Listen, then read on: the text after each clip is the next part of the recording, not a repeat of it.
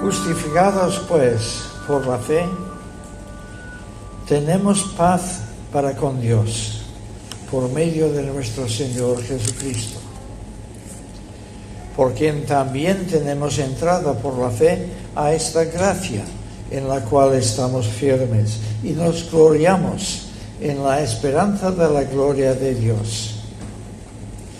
Y no solo esto, sino que también nos gloriamos en las tribulaciones,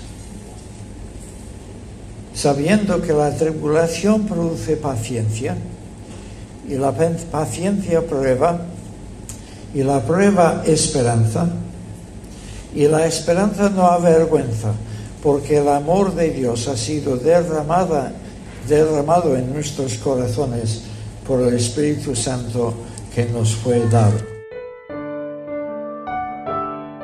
Hola i benvingut al podcast de Ciutat Nova, una església protestant al barri 22 arroba de Barcelona.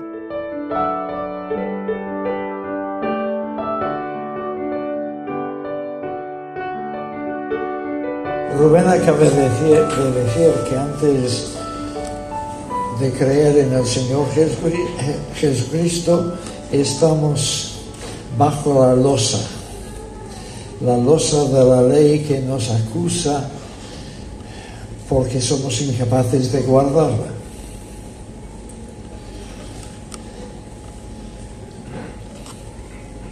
Me imagino que no hay nadie aquí que piense que ha guardado toda la ley en todos sus preceptos perfectamente. Algunos somos capaces de confesar que hemos pecado alguna vez. Si el Espíritu Santo te está trabajando, confesarás que no dejas de, de pecar. Que el pecado está tan asentado dentro de nosotros que ojalá pudiésemos pasar una hora sin tener ningún pensamiento malo, ninguna actitud mala. Pero Pablo ha abordado estos temas en los primeros capítulos de Romanos. En el capítulo 1, 2 y la primera parte del 3 ha insistido en que todos somos pecadores. Si tú crees que no, entonces te invito a leer estos capítulos. Luego en la segunda parte del capítulo 3 y el capítulo 4 ha dado la solución de Dios a nuestra culpabilidad. Dios nos ofrece justicia, contarnos como justos cuando somos todo lo menos todo menos justos.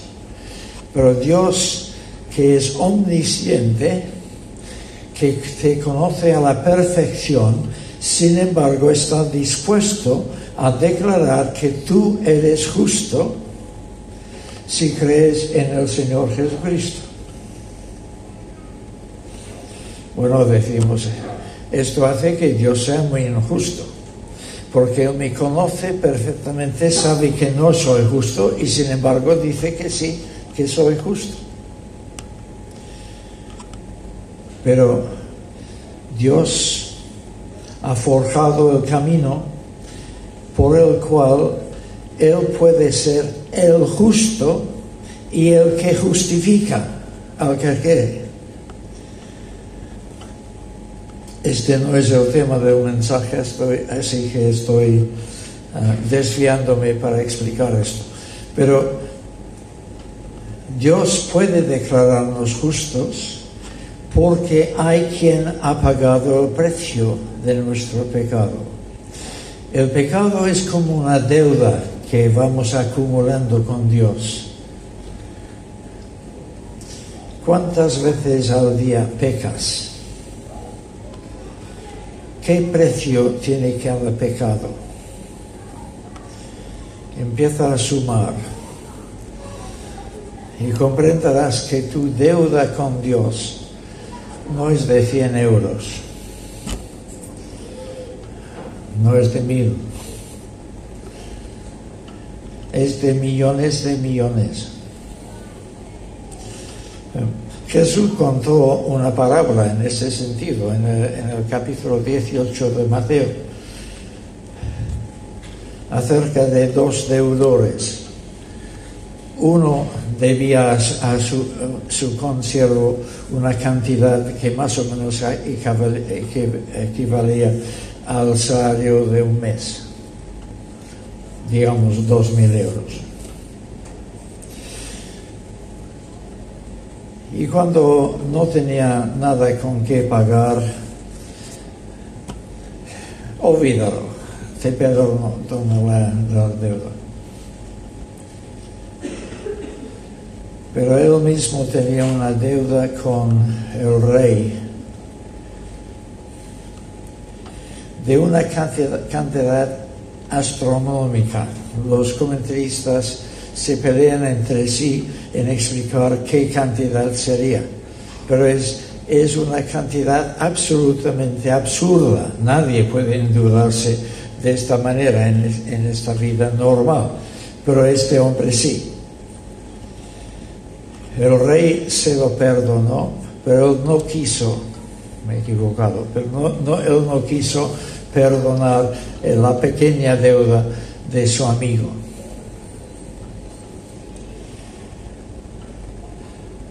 Nuestra deuda con Dios es enorme. Y sin embargo, Jesús, el Hijo Eterno de Dios, tomó forma humana precisamente para poder expiar nuestros pecados, pagar la deuda muriendo en nuestro lugar. Bueno, esto es lo que Pablo ha explicado hasta aquí. Y suponiendo que tú has creído en el Señor Jesucristo y por lo tanto estás perdonado, eh, tus pecados han sido expiados por la, la cruz de Cristo, él entonces dice, justificados por la fe, tenemos, y luego vienen una serie de cosas que son los beneficios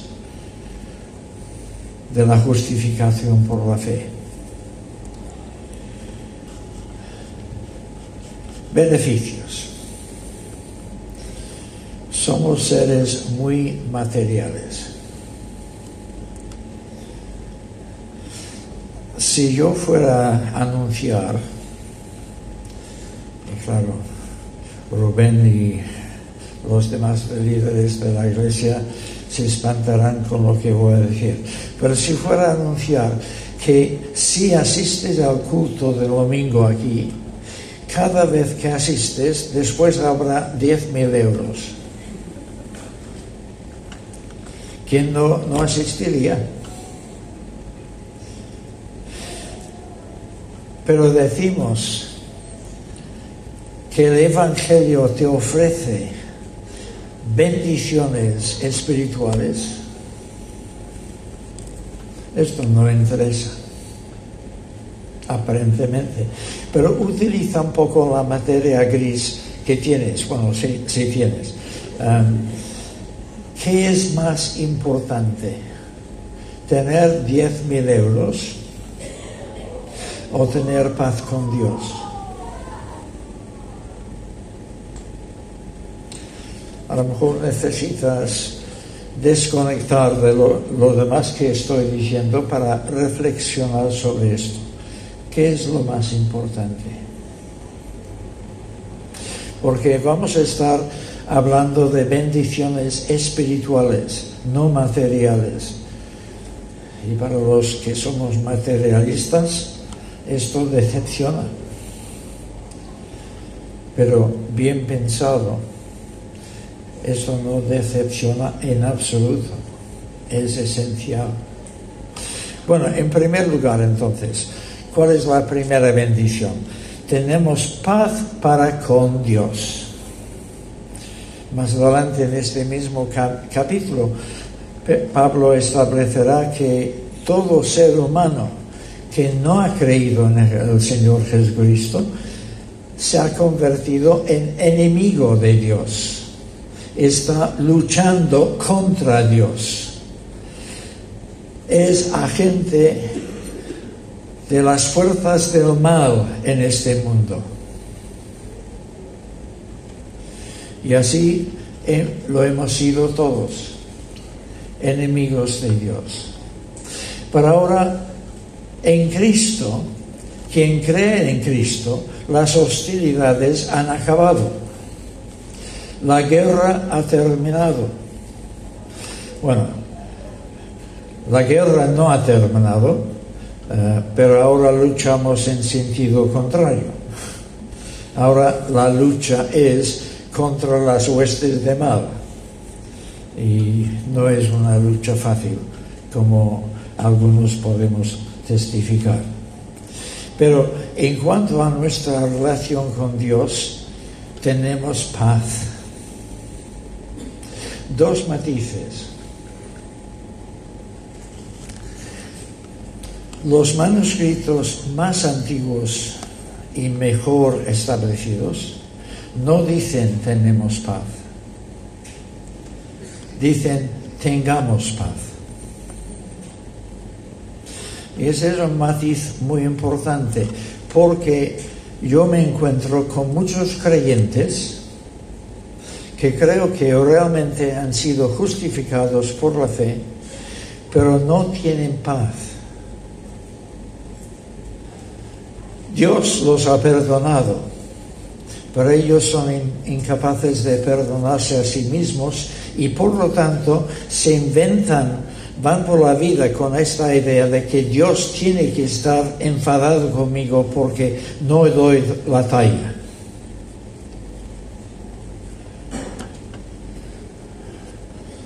¿Alguien aquí es así? Que no se manifieste.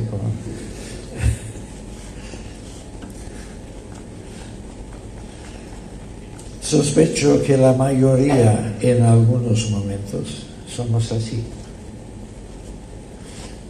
Entonces el apóstol no, está afirmando que tenemos paz, sino exhortándonos a entrar en nuestra herencia que tenemos ya conseguida en Cristo.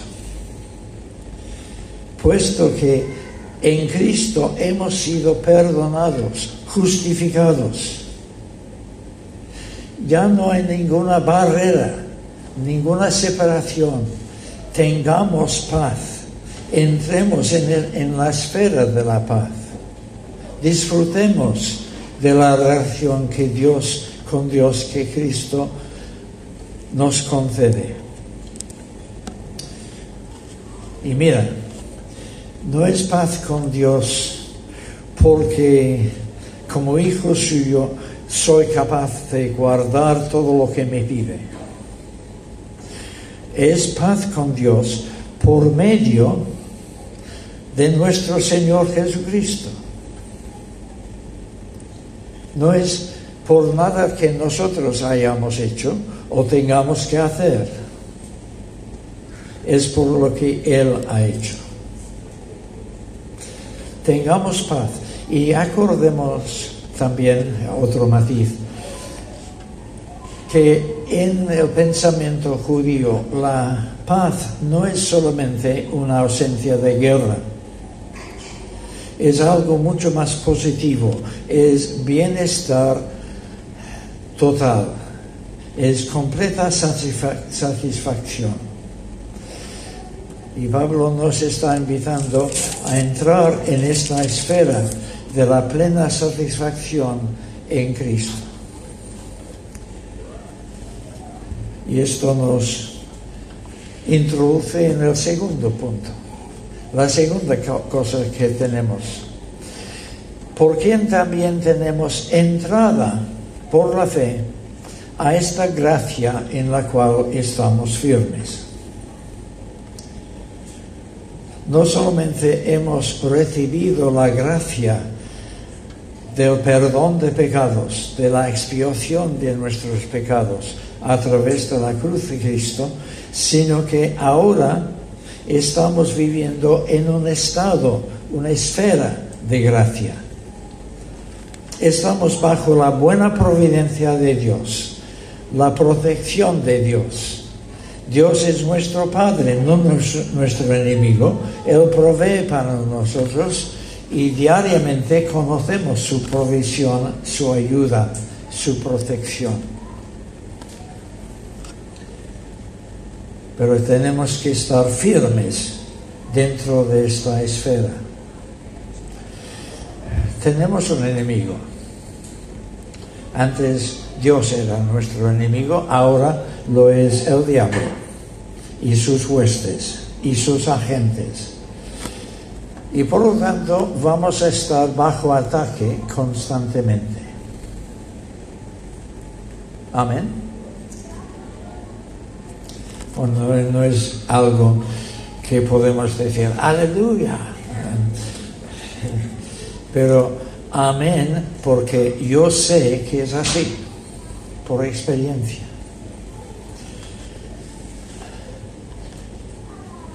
El diablo desea neutralizarte, hacer que los privilegios de la gracia las pierdas.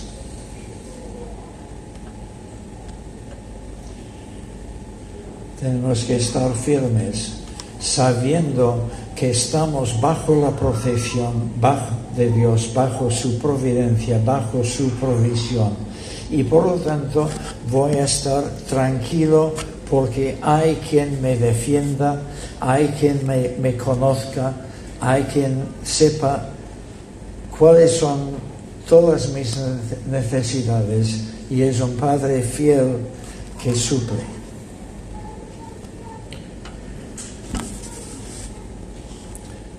Y una tercera bendición. Nos gloriamos en la esperanza de la gloria de Dios. La frase gloria de Dios admite dos acepciones. Por un lado, puede significar que un día vamos a ver a Dios en su gloria. Es la gloria que pertenece a Dios. Pero también puede significar la gloria que Dios concede. ¿Os acordáis de que al principio Dios creó al ser humano a su propia imagen? Dios es glorioso, el ser humano refleja esta gloria de Dios en su creación inicial. Luego podemos decir que con la caída en pecado, el ser humano, la gloria del ser humano fue eclipsada.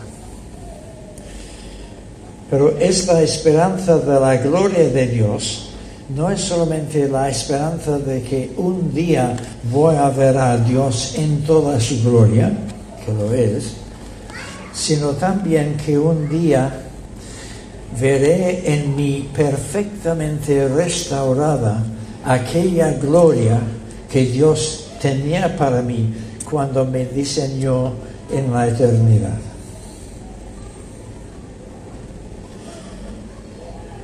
¿Os acordáis de 2 Corintios 3, 18? Estamos siendo cambiados de gloria en gloria.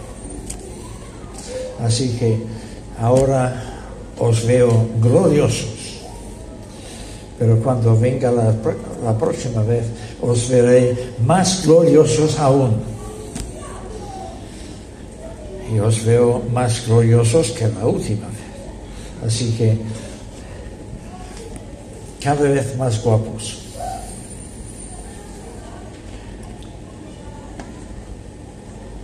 Bueno.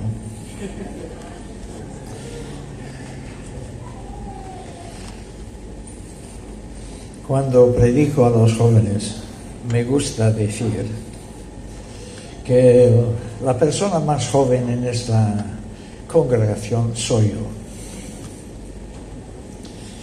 Porque vosotros los jóvenes todavía tenéis, muchas ataduras, muchos complejos adolescentes y aunque el cuerpo exterior se va cascando, el hombre interior se renueva de día en día. Y yo he tenido mucho más tiempo que vosotros renovándome, así que soy más joven que vosotros. Y lo mismo podemos decir acerca de la gloria. Yo he tenido mucho tiempo para estar glorificándome, o no glorificándome a mí mismo, sino siendo glorificado por, por el Señor. Debería ser más glorioso. No sé si es así. Pero jóvenes, ánimo, porque un día seréis tan joven como yo. Y gloriosos también, mucho ánimo, porque vais, vais siendo cambiados de gloria en gloria hacia la imagen de la perfecta humanidad de Cristo por obra del Espíritu Santo en vosotros. Pero un día estaremos perfectamente transformados. Y tenemos esta esperanza por delante. El que ha empezado la buena obra en vosotros, la perfeccionará para el día de Cristo. Ahí está la promesa. Así que esta es la tercera cosa. Paz con Dios, estado de gracia y esperanza de gloria. Pero hay una cuarta bendición de la vida cristiana. No solo esto, sino también nos gloriamos en las tribulaciones. Y aquí necesitamos esta música.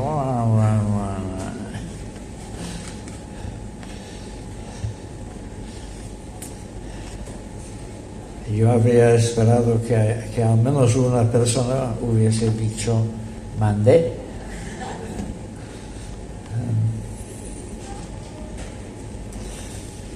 Tú te glorias en las tribulaciones.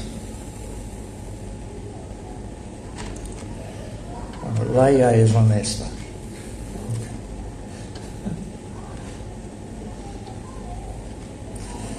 ¿Sabes lo que quiere decir Laia en inglés?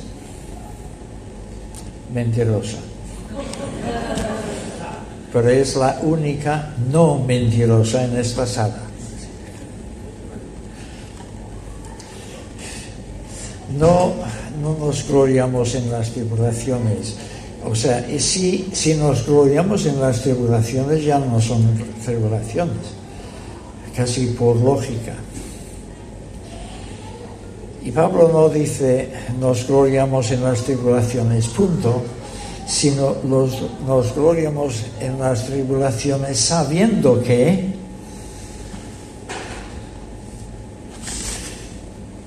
este versículo 3 es la contrapartida a nuestra esperanza de gloria en el versículo 2 vamos siendo transformados por el Espíritu Santo, de gloria en gloria. Qué bonito. Pero, ¿qué método utiliza el Espíritu Santo para efectuar esta glorificación en nosotros?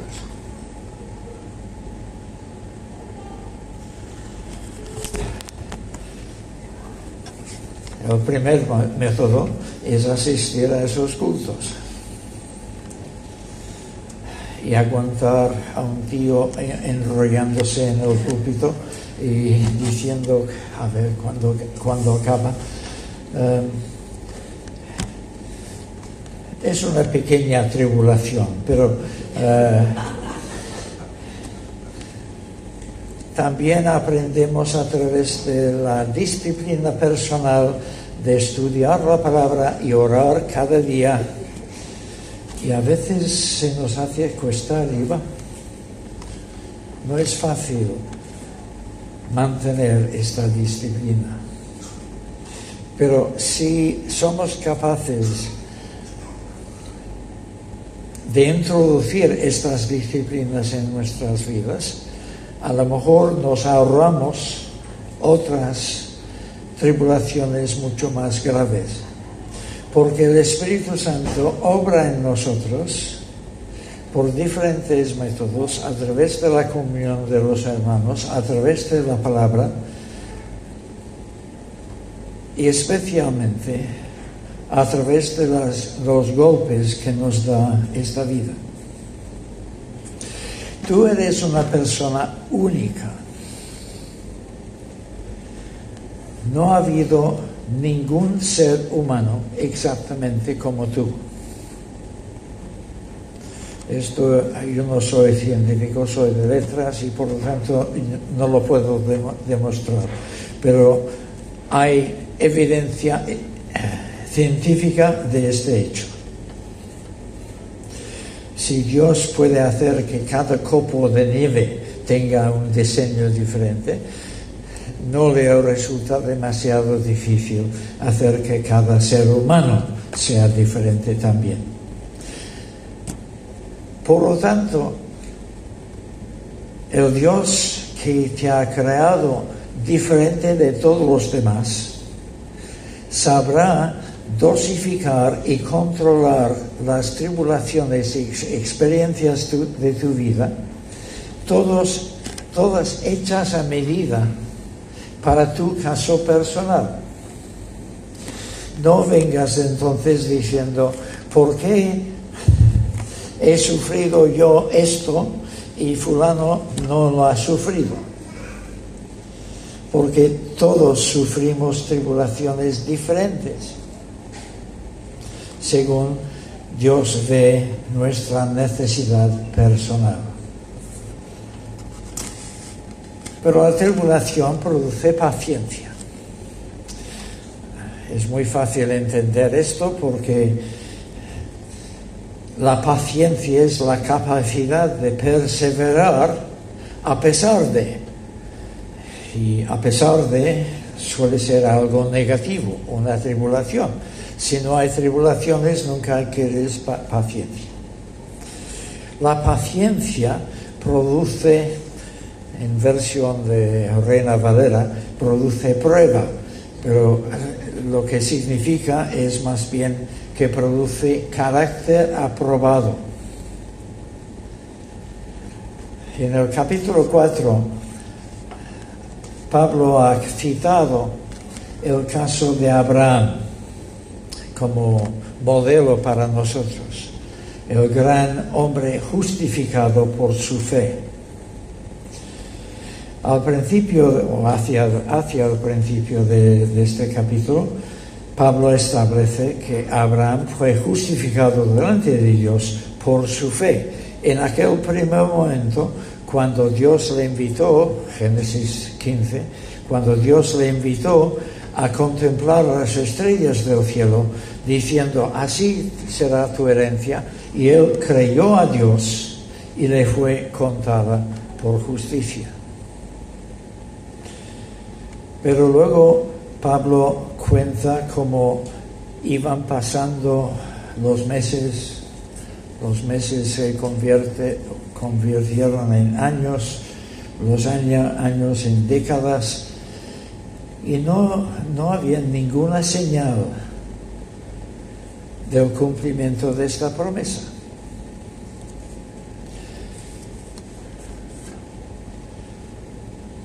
¿Tú cuánto tiempo estás esperando que Dios conteste a tus oraciones?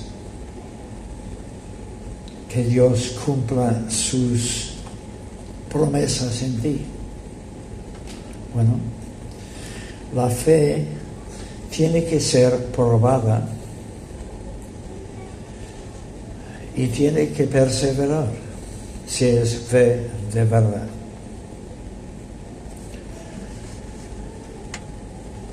Al final Dios cumplió o empezó a cumplir su promesa. Nació Isaac. Hijos como las estrellas del cielo y nació uno. Por lo menos era un comienzo. Y Pablo concluye el capítulo diciendo, por lo cual también su fe le fue contado por justicia. Es decir, la fe de Abraham fue genuina desde el primer momento y por lo tanto en el primer momento fue justificado. Pero esta fe tuvo que ser probada por medio de muchas tribulaciones. Y al final de, su vida, teniendo un, hijo, pudo comprobar que Dios es fiel y cumple sus promesas.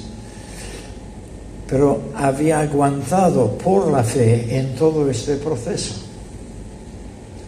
Por lo cual también su fe, le fue contada como justicia. No solamente la fe del primer momento, sino la fe del conjunto de su vida. Tu fe está aguantando. Si no, probablemente no estarías aquí esta mañana. Pero notemos que en el caso de Abraham, dice Pablo, se fortaleció en fe. Su fe iba creciendo aunque las evidencias de alrededor parecían indicar justo lo contrario, sin embargo, embargo, al final creía más firmemente que al principio. Así es tu fe. Así espero.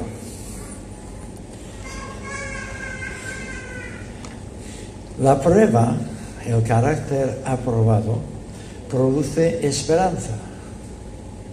Pues vaya anticlimax. Porque esperanza está ahí al principio, ¿no? Y después de ir cambiándose de gloria en gloria, lo que tenemos al, final, ¿qué es? Esperanza.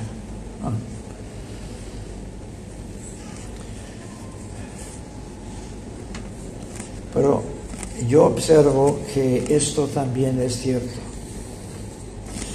Si quieres ver una persona llena de esperanza,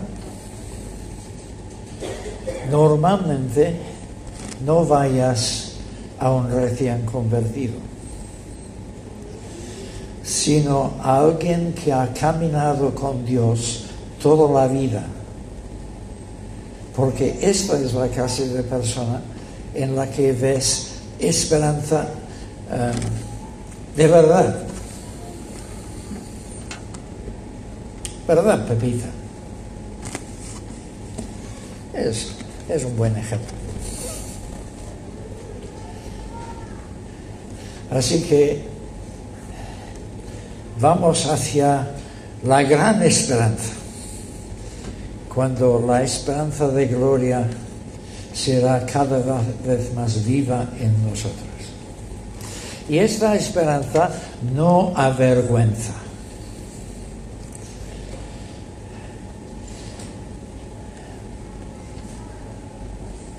Me encanta un texto de, de Hebreos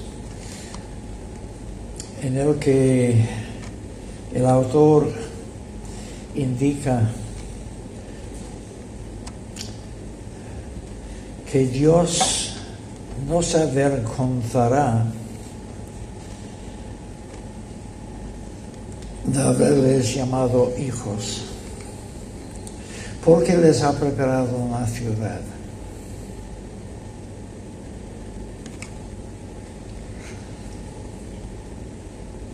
Tenemos una esperanza, esperanza de gloria, esperanza también de una ciudad.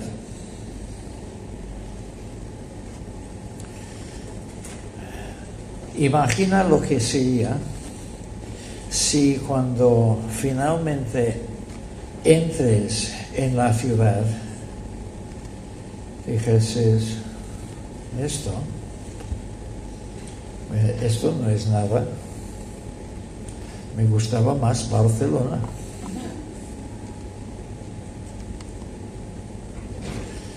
Y yo he me he sacrificado, he sufrido, me he sometido a tribulación tras tribulación solo para esto.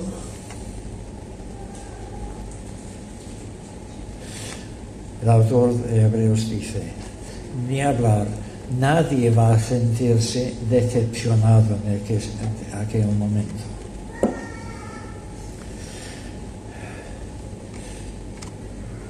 Tienes que haber aprendido ese neologismo.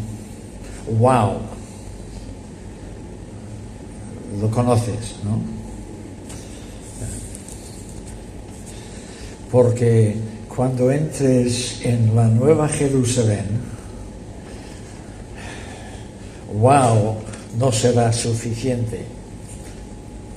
Tendrás que casi ladrar. Wow, wow, wow, wow.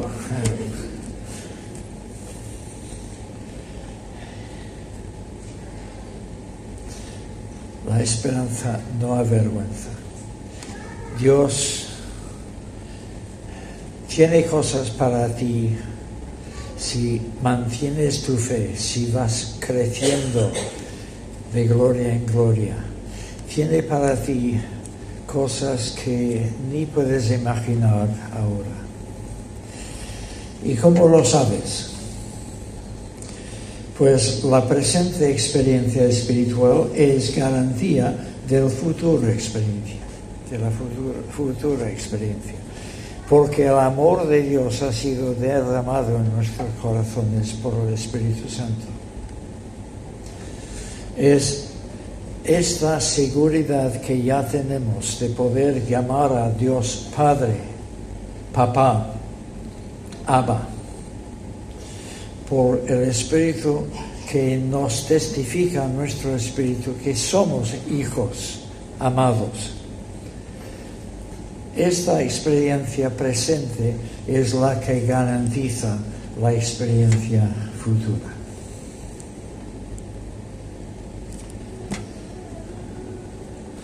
Bueno, animados, hermanos. Lo siento, no te puedo ofrecer 10.000 euros. Uh, oro y plata no tenemos, pero lo que tenemos es mucho mejor. Mucho mejor que la sanidad de nuestra acogida. Es paz, es gracia, es viva esperanza, siendo transformados de gloria en gloria hacia la imagen del Señor Jesucristo. Que el Señor os bendiga abundantemente. Gràcies per escoltar aquesta predicació. Si tens preguntes respecte al seu contingut o vols tenir una conversa sobre l'Evangeli, no dubtis en contactar-nos. Escriu-nos o visita'ns a www.cn22.org.